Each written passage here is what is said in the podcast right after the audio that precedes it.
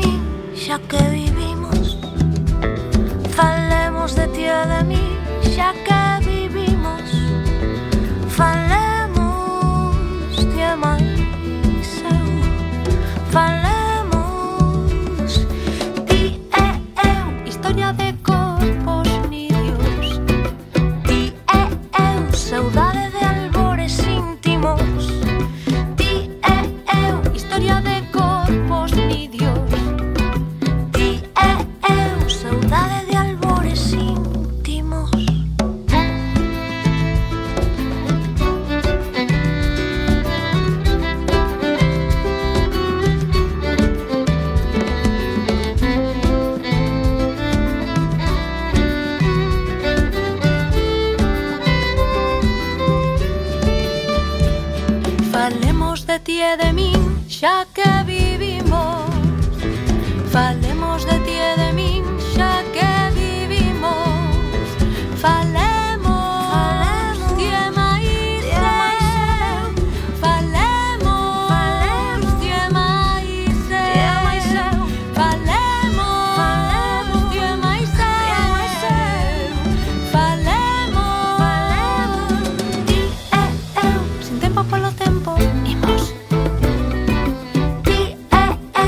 cantando, chorando e rindo ti e eu, sin tempo polo tempo, imos Ti e eu, cantando, chorando e rindo.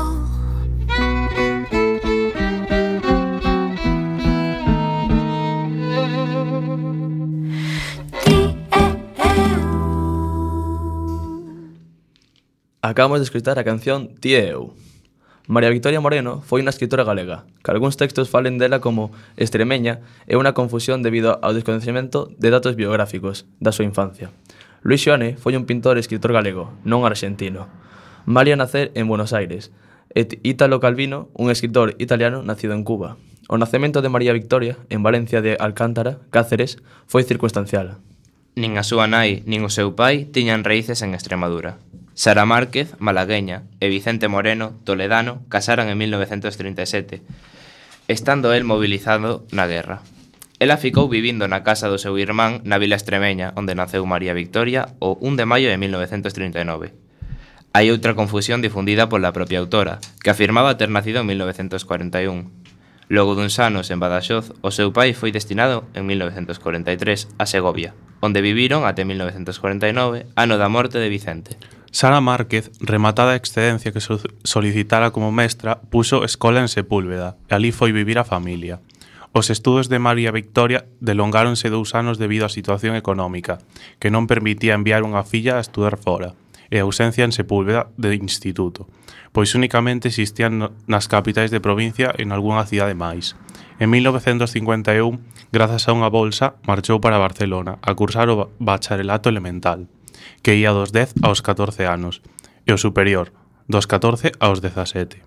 Ela tiña 12 anos, o que pode explicar por que decidiu mudar a data de nacemento, para facela coincidir coa das súas compañeiras. En Barcelona aprendeu catalán e francés, e sobre todo descubriu a literatura, lendo por vez primeira o Quixote ou o Principiño, que sabían converter nas súas obras favoritas. No verán volvía ás aldeas segovianas, onde exercía de mestra a súa nai. De 1958 a 1963 estudou Filosofía e Letras, sección de Filoloxía Románica na Universidade Complutense de Madrid. Ali coñeceu a José Luis Yácer, invidente, con quen casou ao finalizaren a carreira e co que se, e co que se trasladou a Pontevedra en 1963, por ser contratado no Colexio da Once. En Pontevedra viviu máis de 40 anos, até a súa morte en, 19, en 2005, perdón, pois aínda que deu clase dous anos en Lugo e catro en Vilalonga, a súa casa sempre estivo nesta vila. Podería ser máis a caída dicir que era máis segoviana que a extremeña. aínda que tamén tío, aínda que tamén viviu sete anos. Crucei, crucei na adolescencia en Barcelona. Perdón. Eh, o cinco en Madrid, antes de, ser instalar, antes de se instalar en Galicia. perdón, perdón. A fin debemos darlle unha razón cando firmou ser galega. perdón, perdón. E a terra onde viviu máis tempo e sobre todo a terra é a lingua con que se identificou. A historia de amor entre María Victoria e Galicia comeza en Pontevedra. Logo de dar aulas como interina nesa cidade, en 1965 aprobou as oposicións, sendo destinado ao Instituto Masculino de Lugo, onde ensinaba Xesús Alonso Montero, con quen manterá unha estreita amizade durante toda a súa vida. Grazas a el mergullase na lingua e sobre todo na literatura galega. A actitude ante a lingua, a ética e o compromiso cos seus falantes herdeinos de quen foi o, seu, o meu mestre, de quen me honro recoñecer como mestre. Escribiu no artigo O mestre das palabras, sobre Alonso Montero. Desde ese momento, María Victoria converteuse nun activista a prol da lingua galega, un compromiso vencellado ás reivindicacións da de, de democracia e xustiza social. Ao regresar a Pontevedra en 1967, impartiu literatura castelá no Instituto Femenino, agora Valle Inclán. Lembran as súas alumnas, entre elas, Rosario Álvarez Blanco, que con María Victoria aprenderon tanto a tomar conciencia da realidade lingüística e cultural de Galicia como a gozar da literatura.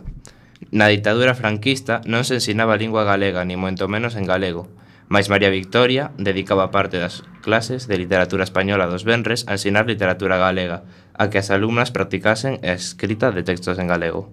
Neste contexto de represión, o seu compromiso coa lingua expresouse tamén nos cursos de galego, a título voluntario, non remunerados, organizados pola Asociación Amigos da Cultura de Pontevedra, nos que participou desde 1972, dirixidos a mestras, mestres e persoas que non tiveran a posibilidade de estudar a nosa lingua. Unha participación que resultaba sospeitosa para o réxime, sobre todo se os cursos eran eran organizados por entidades como Ateneo de Ourense, dirixido por Manuel Peña Rey, de coñecida militancia comunista, É considerado un niño de subversión. Como represalia, en 1974 folle retirado o pasaporte. A contribución como escritora de María Victoria á lingua e á cultura do país foi moi importante. Con todo, poida que os fose aínda máis. A súa actividade pode, eh, como profesora que, como retirou en artigos entrevistas, era a súa paixón. E agora vamos escutar Negro Azul.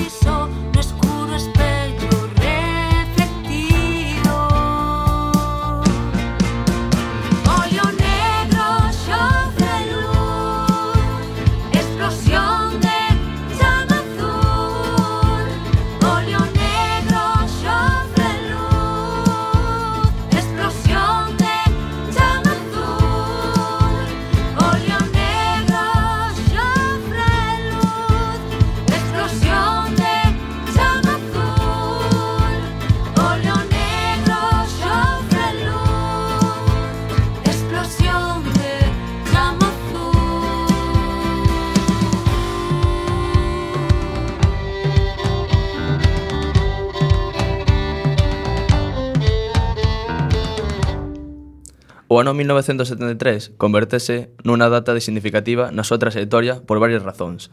Desde o punto de vista persoal, por, inicia, por iniciar en José Luis e Maisela o proceso de adaptación dos seus fillos Begoña e Carlos.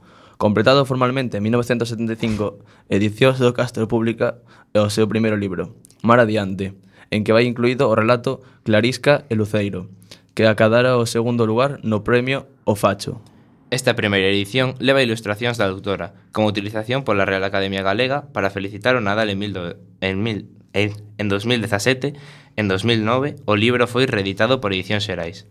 Edita outro sí a antoloxía bilingüe, Os novísimos da poesía galega, que recollía textos de dez poetas nacidos despois de 1943, entre eles Xosé Vázquez Pintor, Xesús Raba de Paredes, Margarita Ledo e Darío Soán Cabana sendo responsable tanto da selección como a traducción ao castelán. E abre en Pontevedra, xunto aos oito sociais e socios, a libraría, socias e socios, perdón, a libraría Xuntanza, onde se vendían, entre outros libros, como os de Castelao e Miguel Hernández, prohibidos pola censura e editados fora de España, sobre todo en Buenos Aires. Isto é unha mostra das múltiples actividades que levou a cabo en relación cos libros, escritora, profesora de literatura, traductora, editora, libreira ou confer conferenciante. A publicación de Mar Adiante tivo grande impacto na prensa, convertendo a María Victoria nunha das autoras pioneiras da literatura infantil galega. É a historia, contada en primeira persoa, dunha mestra, na que non é difícil identificar a autora, que, que pon escola nun barco, o Arroás. Cando ela navegan Miguel, o mariñeiro que o fabricara, o capitán Xosé Luis, Lola, a cociñeira, que aprendeu a camiñar sobre a auga, e máis 11 rapazas e rapaces.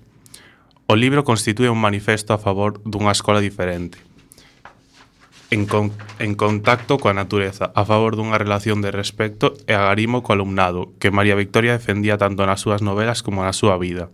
Unha escola en que ningún mestre ameazase os rapaces de Porto Souril, con guindalos ao mar, cos libros amarrados ao pescozo. Unha escola en que se aprendía ollando para as estrelas e mesmo facendo trasnadas. Mar adiante foi seguido por O Cataventos en 1979, que acadou o premio O Facho. A festa do fa no Fallado 1973 e Leonardo e os Fontaneiros 1976, este último é un exemplo da intensa relación de María Victoria cos animais. Un cariño reflectido na súa vida en moitos dos seus libros. Leonardo, o protagonista, é un can de palleiro, un can sen dono que se converteu en amigo e confidente de Antón Andrade, rapaz de 14 anos moi dado a levar a cabo falcatruadas, xunto cun feixe de compañeiros da escola coñecidos como os fontaneiros. María Victoria adoitaba chamar os meus cachorros, tanto os seus cans como alumnado, e gardábase de tratalos igual. Afirmaba non facer nunca cos animais o que faría coas persoas, pois entendía que quen lle fai mal a un animal indefenso tamén é quen de lle lo facer ás persoas. Tampouco os alimentaba con desperdicios da comida, aínda que si lles entregaba os libros de mala calidade para que xogasen con eles até os desfacer. Outros textos seus protagonizados por animais son E haberá tirón de orellas, 1997, Historia da cadela alma, homenaxe ás dúas cadelas que tivo a autora e ás que deu o mesmo nome. Perdida, logo de se afastar da casa, Can branco, can negro, e Un cachiño de bica das de dúas historias en verso que forman parte, xunto con Xa non teño medo, do libro Eu conto ti cantas, de 2005, o último que viu publicado en vida. Ademais de historias infantís ou xuvenís, a mediados dos 80 publicou xunto con Xesús Raba de Paredes e Luis Alonso Girgado libros de texto de literatura galega. Outros fitos relevantes producíronse en 1988. Neste ano, Galaxia por decisión de Carlos Casares, na altura o seu director, crea a colección Árbore de Literatura Infantil, que será dirixida durante 10 anos por María Victoria Moreno, Antonio García Teijeiro e David Otero. O obxectivo, segundo David Otero, era dispoñer de literatura en galego para todas as idades, dar visibilidade á escritura en Galicia, así como publicar traduccións ao galego de libros de calidade. Tamén, en 1978, publica Anagnórise, recoñecido en 1990 na lista de honra do IBI, Consello Internacional de Libros para a Mocidade, que selecciona cada dous anos libros excelentes nas distintas linguas. Anagnórise está considerado o seu mellor libro, é un clásico da literatura juvenil galega. É a historia de Nicolau, un adolescente de 17 anos que foi que fai autostop, fuxindo da casa e da súa vida anterior e Xulia Andrade, unha muller afouta que o leva no seu coche e que ten moito da autora.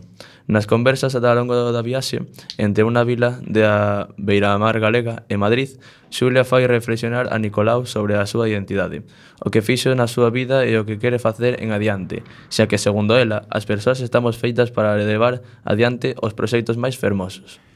É esta unha das frases máis coñecidas de María Victoria, e figura gravada na placa que o Concello de Pontevedra colocou en 2006 na ponte da Avenida de Vigo. Aínda que era recoñecida desde os anos 70 como unha das autoras de máis calidade da literatura infantil e juvenil galega, Anagnórise consolidou a súa consideración como parte do canon. E agora imos escoitar a canción Afogadas.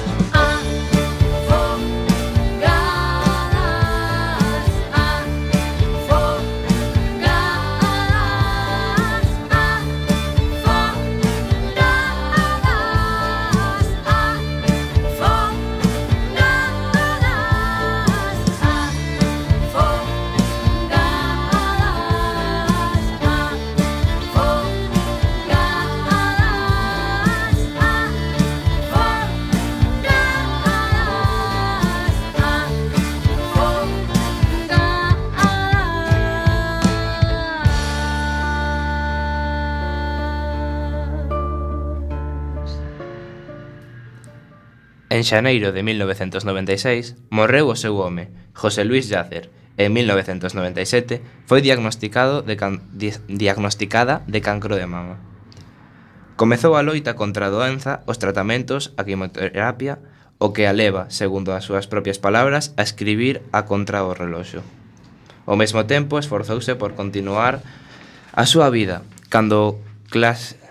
Clas... dando clase durante cinco anos máis, até 2002, en que a súa saúde a obrigou a subiarse.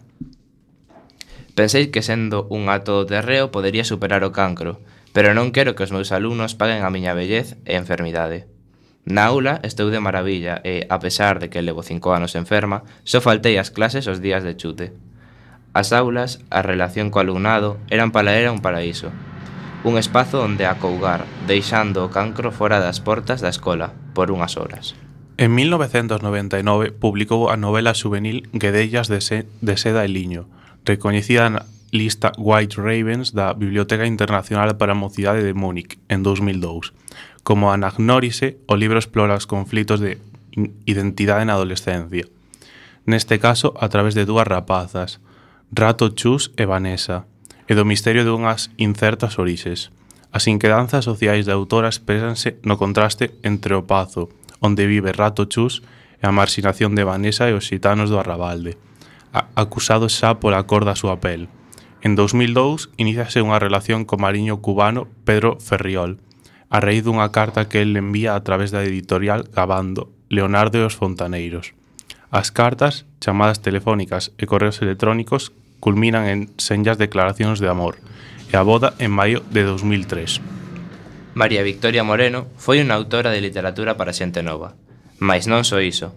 A reflexión sobre a súa experiencia co cancro reflíctese nun libro excepcional, o ensaio Darío da luz e a sombra, de 2004, no que combina a análise descarnada da enfermidade, as súas consecuencias, a recepción social, os cambios no comportamento dos demais, incluindo a ocultación, con humor e ironía un par de horas antes da presentación do libro, o 13 de decembro de 2004, comunicáronlle que tiña metástase, o que significaba unha sentenza de morte. Porén, presentou o libro con serenidade e dignidade, a mesma da que fixo gala durante toda a doenza. En 2005, Pedro Ferriol pasou ao ordenador a primeira novela escrita por María Victoria, aínda que aínda en castelán. En 1969 eh, enviou a un premio en Salamanca, premio que acadou o e foi recoller poucos meses antes da súa morte. Traducido ao galego, segundo a vontade da autora, por Xavier Senin, onde o aire non era brisa, en 2009, foi publicado póstumamente. É unha crónica da dura vida das mestras, probablemente inspirada na súa nai, nunha vila, nunha vila imaginaria de Castela, nos anos 60. Está artellada ao redor das metáforas do leito, do leite. Por unha banda, a mestra e forne, fornecedora de leite físico e da axuda americana intelectual para acalmar a sede de coñecemento do alumnado. Pola outra, o espolio do alcalde e as forzas vivas da, da vila acaparando o, leito, o leite en pó. Simboliza a rapina levada a cabo polos franquistas. Elexías de Luz, publicada en 2006. Reúne cinco cadernos de poemas nos que agropa, agroman tanto a súa sensibilidade como a ironía e a crítica. Nos últimos anos da súa vida, María Victoria recibiu numerosas homenaxes dos libreiros na Feria do Libro de Pontevedra, do profesorado do Instituto de Ensinanza Secundaria Torrente Ballester, o último no que dera clase e o que legou a súa colección de libros, e outras que non viviu para presenciar, como a do Salón do Libro Infantil e Juvenil de Pontevedra, en 2006. Morreu o 22 de novembro de 2005. Como apunta Isabel Soto, algúns trazos fundamentais da obra de María Victoria son o lirismo, a conversión dos animais en protagonistas e a crítica a un ensino receso. Contribuiu, xunto a outros autores e autoras da súa xeración, a situar a literatura infantil e juvenil galega nun lugar digno, a poñer en valor o uso da lingua galega, falándoa e escribíndoa ben, a meterse na pel dos personaxes e gozar coa literatura, coa beleza das palabras, Toda a súa vida é un exemplo de compromiso coa causa da lingua galega e da súa justiza social. Tras coñecer esta muller brava das nosas letras, imos presentarvos a nosa entrevista de hoxe. Trátase de Eli Ríos, nada en Londres en 1976, unha escritora galega cusa trayectoria moi viaxeira. Trasladouse con poucos anos ás terras de Ordes, e despois dun periplo por diversos territorios da lusofonía, Porto, Lisboa, Azores ou Cabo Verde instalouse en 2003 ao pé do Castro del Viña. Actualmente desenvolve a súa actividade desde Cambre. Ten unha ampla obra publicada nos últimos anos entre a que podemos nomear. Como exemplos de poesía, Nos, escoitando o balado Marien Platz, Espiral Maior Edicións de 2010, María, de 2013, de O Figurarte, Am Anamnese, de 2014, eh, editorial Sotelo Blanco, Diario de fotogramas 2014, Concello de Ribeira, Doe tanto a túa ausencia, traxedia dun solitario acto de 2015, Café intenso de 2017, no Concello de Padrón, Culpable 2017 de Xerais. E agora a novela. Luns do de 2017 en eh, de Xerais, Premio Torrente Ballester de Narrativa en 2016, Literatura Infantil e Juvenil. Temos Bicha en 2015, Deputación de Ourense, Marta e a Pintega, e a Píntega, de 2016, de Galaxia. E agora o ensaio. Mulleres bravas da nosa historia, de María Victoria Moreno, de 2016, Urco Editora. A obra pola que lle preguntaremos máis, ade, máis detenidamente nesta entrevista. E a participación en moitas obras colectivas como Rúa da Cancela, publicada en 2010 de, da editorial Caldeirón, 150 cantares para Rosalía de Castro, publicada en 2015, Descirces e Morganas, homenaxe das escritoras a Begoña Camaño, de 2015, Verbo na Arria, homenaxe literaria a Joan Xesús González, de 2016 e Manuel María, libro colectivo de homenaxe no seu Día das Letras Galegas, 17 de maio de 2016, publicado en 2017, pola Deputación de Lugo. Colabora en diversas obras colectivas, realiza obradoiros de escrita, conta contos infantís e forma parte da revista digital de crítica literaria A Sega. E antes de falar con ela, faremos unha pausa musical coa canción Abrente. Música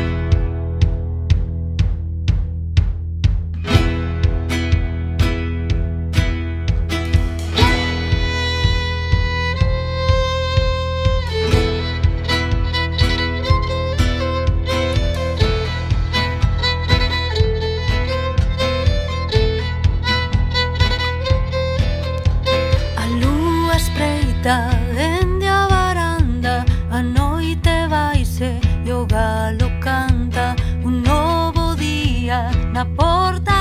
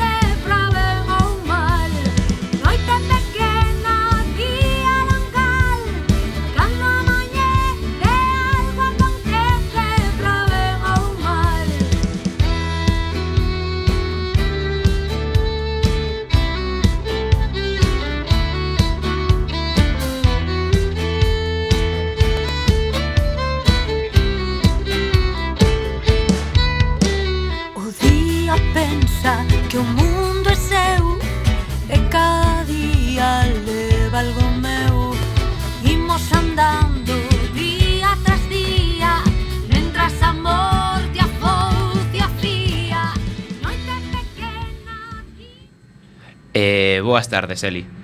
Hola, moi boas tardes. Eh, eu son Manuel. Eh, cando queras podemos comezar coa entrevista. Pois cando me digas, Manuel.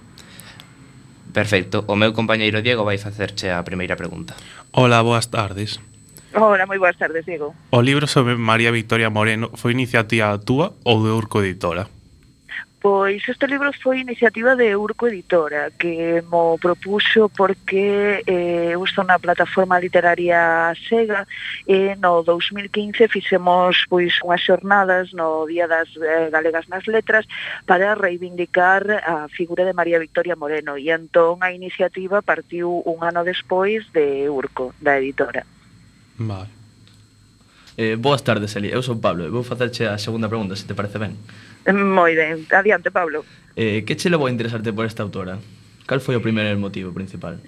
O primeiro motivo foi que a coñecín sendo adolescente a través de Anagnorise e foi unha, unha autora que marcou moito a miña experiencia, non?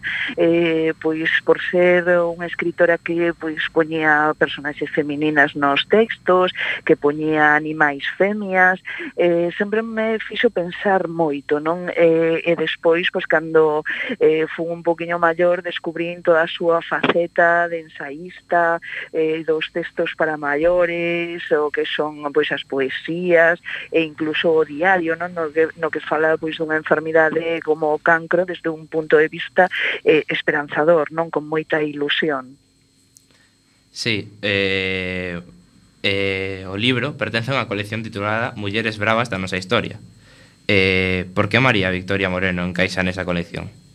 Ui, porque foi moi brava, foi unha muller que dando aulas de galego, eh, pois incluso lle entrou a Garda Civil na casa a facerlle un registro domiciliario e eh, retiraronlle o pasaporte. Foi unha muller que sen ter, eh, sen nacer en Galicia, eh, sen pasar os anos de adolescencia en Galicia, decidiu aprender galego ao nivel que lle coñecemos, non? Ao nivel de publicar, de gañar premios importantísimos, de ter as mencións en Sibi eh, en galego. E foi mestra de mestras. Eh, moitas das escritoras que hoxe en día escribimos en galego eh, pois pasaron polas súas aulas non? Pois como Fina Casal de Rei por exemplo ou xente que despois traballou eh, a, a prol da lingua como Rosario Álvarez tamén foi alumna non?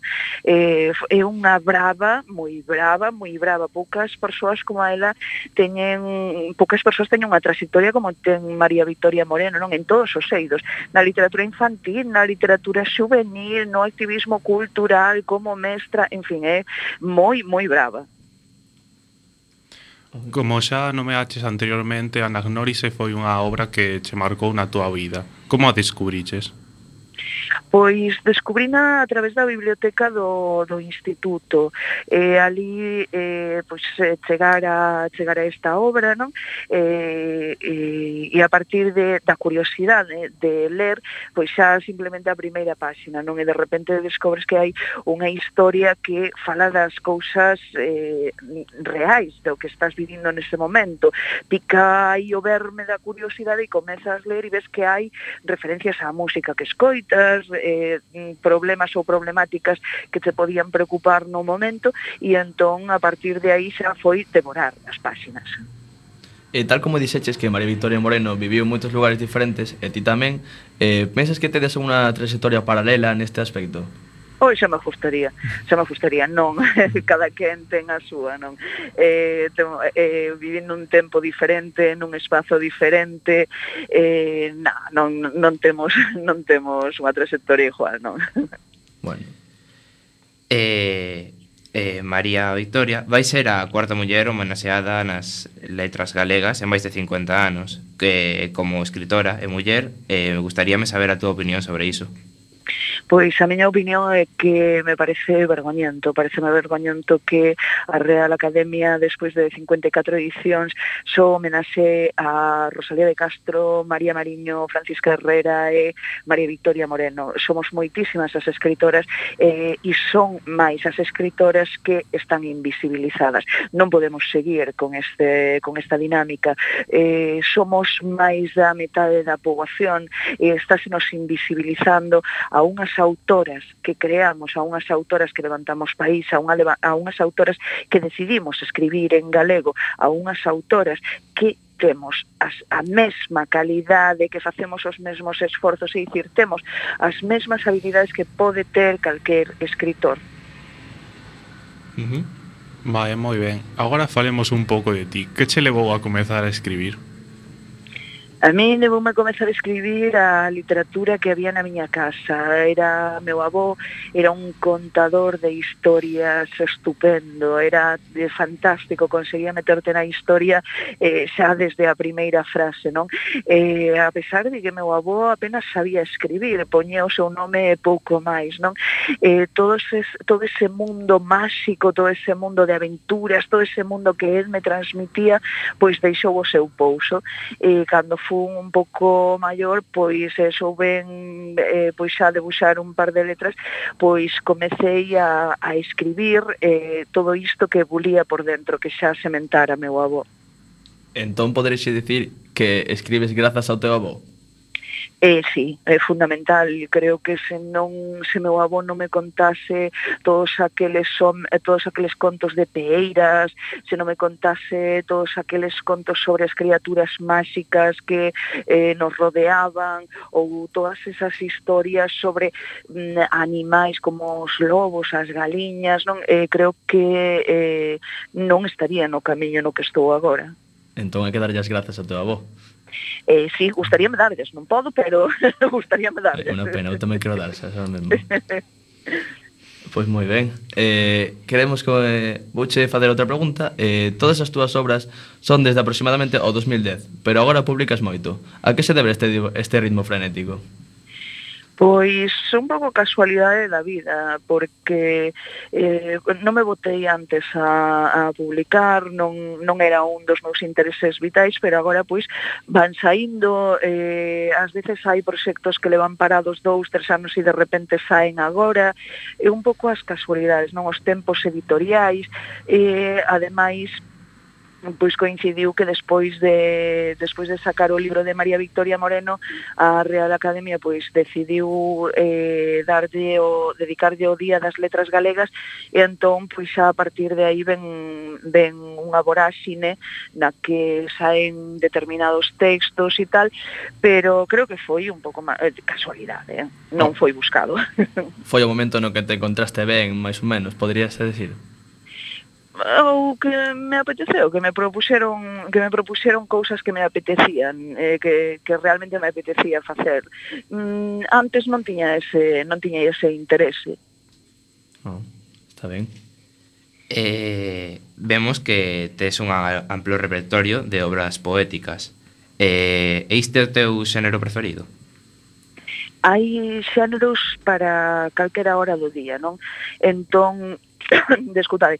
Entón, eu creo que hai momentos do día no que te apetece poñer as zapatillas da casa e outros momentos que te apetece poñer os tenis para correr, non? Eh, a poesía é sempre a miña casa. Comecei pola poesía, nunca a vou deixar, encontrome moi cómoda, pero tamén me divirte moito a narrativa, e tamén me divirte moito facer biografías ou ensaio.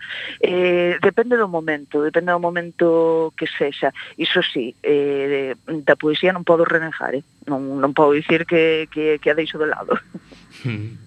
Unha boa opinión. Eh, que che levou a interesarte pola poesía? Imagino que eh, a necesidade de expresar ou de eh, poñer por escrito eh, os sentimentos, de poñer por escrito esas cousas que eh, van máis alá da realidade, eh, a esencia, non? Eh, sempre procurarse dentro do verso. Eh, ademais, eh, é un gran xogo. A mí encantame xogar coas palabras. Son filóloga e mm, eh, xogar con elas cousas, cambialas de sitio, colocalas, volvelas a poñer, eh, ese xogo gustame moito, non? E iso é eh, o que me permite facer a poesía. Xa a narrativa é como, como se di, non? Que xa é unha maratón, xa é de longo, de longo percorrido. A poesía é máis de impacto, é do momento. Zas, un verso, eh, e ese xogo eh, de tentar expresar con pouquiñas palabras gustame moito. Eh, por exemplo, que consello lle darías a alguén que se que se, que se que queira, perdón, iniciar no mundo da literatura? Cal sería o mellor consello que poderías darlle? Que lea. O primeiro fundamental é ler, eh, ler, ler, ler e ler, e cando se canse de ler, voltar a ler eh, é fundamental ler para poder escribir ben e despois votarse. Isto é como os idiomas, ou os falamos ou mm, por moito que estudiemos é imposible eh, falalos. Entón, eh, isto que días ante que eu escribo para min e teño guardado aí nun queixón e tal, entón non permites que a xente o poida ler, que che poida dicir, oi, pois igual aquí quedabache mellor pois esta palabra ou unha coma ou tal, é xusto do diálogo que existe eh, entre a persoa que escribe e a persoa que lé é onde está a creación. Eh, agora como están os tempos na actualidade, poderías contarnos como vestía a situación da literatura galega? Pois a nivel institucional vexoa moi mal. Eh, hai unha é unha eh, hai unha política gubernamental que vai a acabar e destrozar coas, coas inversións que hai no libro galego. Isto é moi importante porque se queremos ter eh, unhas empresas que se dediquen eh, pois a publicar, que se dediquen a sacar textos en galego, eh, precisamos un tecido, precisamos que haxa xente interesada nos libros. E para que haxa xente interesada xa nos libros hai que fomentar que haxa libros, non? Eh, parece obvio, eh, pero non o é. Mm, non podemos, eh, eh, por exemplo, aquí non hai un Eh, unha demanda masiva de vosley, por exemplo, que é un, un deporte que aquí non hai. Mm, se montásemos un equipo de vosley aí en Manzaneda e lle fixésemos publicidade e tal, probablemente habería máis xente que se achegase. Pois co libro acontece exactamente o mesmo. Eh, ah, e así como a política gubernamental é horrible, eh, o momento de creación é fantástico. Hai un fervedoiro de ideas, de xente traballando, de bibliotecas que se movilizan, clubes clubes de lectura eh, que traballan nunhas condicións miserentas, pero sí que hai, base haina. Agora necesitamos que nos dean pista. Entón vamos mellorando pouco a pouco. Mais que imos ir mellorando, imos cara atrás, o que hai que mellorar son as políticas culturais. Eh, no plano da lectura penso que sí, no plano da lectura penso que eh, hai máis información, hai máis formación e cada vez a xente máis nova pois achégase os libros eh, xa non como un obxeto raro, un obxeto eh, complicadísimo de entender, non? Eh, pero, xa digo, isto parte de iniciativas persoais e non debería ser así. Sí. Pois pues tes razón, sinceramente che damos a razón desde aquí. Eh, quería facerche, facerche unha última pregunta. Cal sería o libro que nos recomendarías a todos os xóvenes agora mesmo? Mm, pois mira, non sería capaz de quedar con un só. Eh, custaríame moito. Deixasme dicir tres polo menos. Tres, catro, os que queiras. Pois recomendaríos primeiro 22 segundos de Eva Mejuto, é un libro para pensar, é un libro para eh, darlle moitas voltas á cabeza sobre o que estamos facendo mal e que podemos facer para que a situación que temos neste momento mm, respecto ás novas eh, masculinidades, respecto á sexualidade, que poidamos darlle unha volta e, e pensar niso, non? Eh, recomendaríos Corredora, eh, un libro de María Reimóndez que eh, nos aprende eh, a preguntarnos cando nos queixamos, eh, cando pensamos na nosa situación e nos queixamos, eh, a preguntarnos respecto a quen, non? Dicimos que estamos moi mal respecto a quen, ou que somos máis pobres que ratas respecto a quen, non? E que hai outras persoas que eh, loitan por conseguir os seus sonhos sen queixarnos tanto como facemos aquí en Occidente, non? E despois eh, recomendaría vos a de literatura internacional Os Xogos da Fame. Eh, creo que é un libro importantísimo eh, para ver os roles de xénero, para ver como funcionan as eh, mulleres protagonistas e como funcionan os homes que eh, neste caso non son protagonistas, non como nos adaptamos a esas situacións. Son para pensar, son libros para pensar e libros para que queden aí no pouso aparte de divertirnos. Pois seguramente acabas de axudar un montón de xóvenes. Moitas gracias, Eli. Moitísimas grazas a vos. Eh, como última pregunta, eh, gustaríame dicirte que xa que xa falamos sobre a situación da literatura galega nestos momentos, eh, como vestí a situación do galego no ensino? pois tamén acontece exactamente o mesmo que coa literatura, non porque van da mao. Eh, Eh, o feito de que non haxa unha promoción cultural por parte do goberno, unha promoción lingüística, leva inevitablemente a que perdamos falantes. Isto que mm, parece que dá exactamente igual, eh, non, non é irrelevante. Eh, cando viaxamos por aí, decatámonos que a lingua eh, marca a nosa forma de entender o mundo. Pois, por exemplo, descubrimos que eh, todas as persoas galegas coñecemos, por exemplo, exemplo, o pan receso, non? E para nós unha cousa, o pan receso non é o mesmo que pan recebido, non? Eh, aínda que falemos español, imos dicir pan receso. E a forma de entender o mundo, de entender pois esa morriña que é intraducible, hai conceptos que non podes traducir a outra a outra lingua. Por moito que digas eh, las, las hogueras de San Juan, non significan o mesmo que as nosas cacharelas, non? Sabemos o que, que para nós pois son eh, unha festa fundamental, é unha forma diferente de entendela, xusto cando viaxamos e cando descubrimos que esa realidade lingüística nos está marcando como persoas e nos define, mm, xusto cando estamos perdendo, cando eh, vemos que este goberno realmente pois eh, destina diñeiro a cousas absurdas e a publicidades e tal en vez de facer algo realmente importante, non?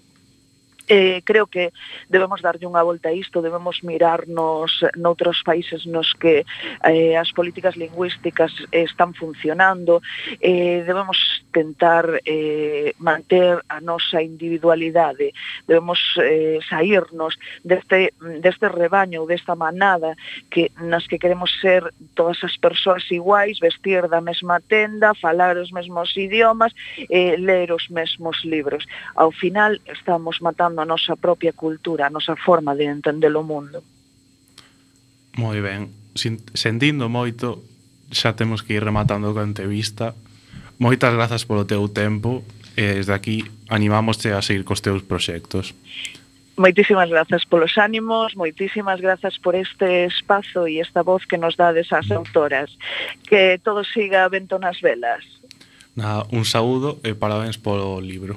Graciñas, un saúdo. Un saúdo. Eh...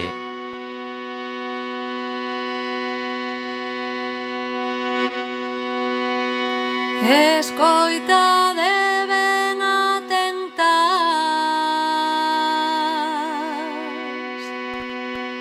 A historia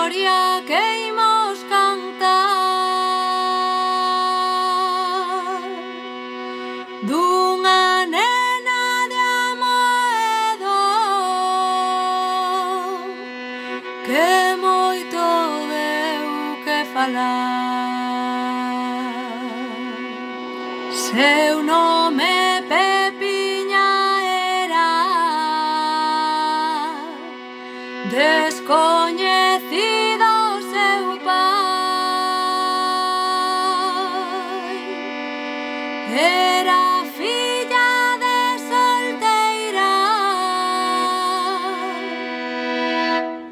Moi malo ia pasar.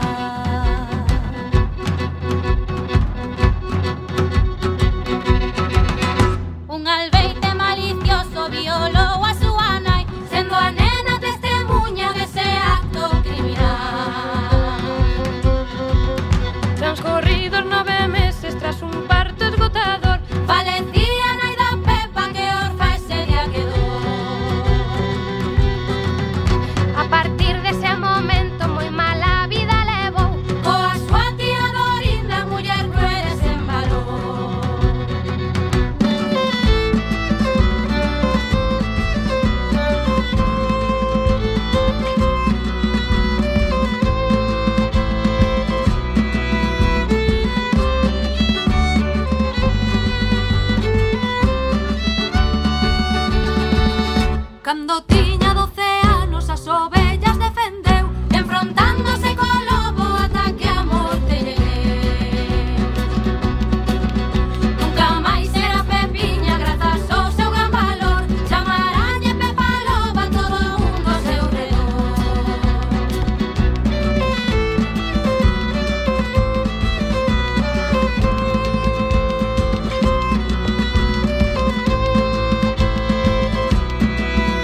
I'll be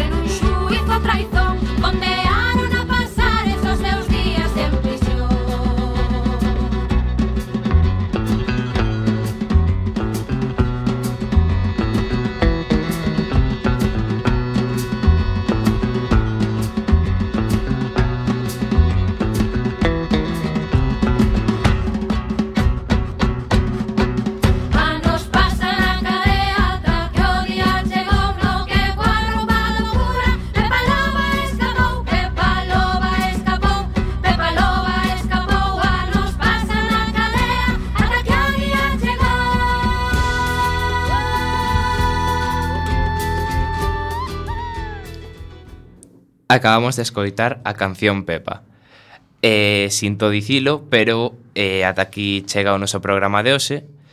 Eh, moitas gracias por estar escoitándonos eh, esta hora. Recordade que a semana que ven non emitimos debido a que festivo, así que vémonos dentro de dúas semanas no programa das 5. Moitas grazas por outra vez por estar escoitándonos e ata a próxima.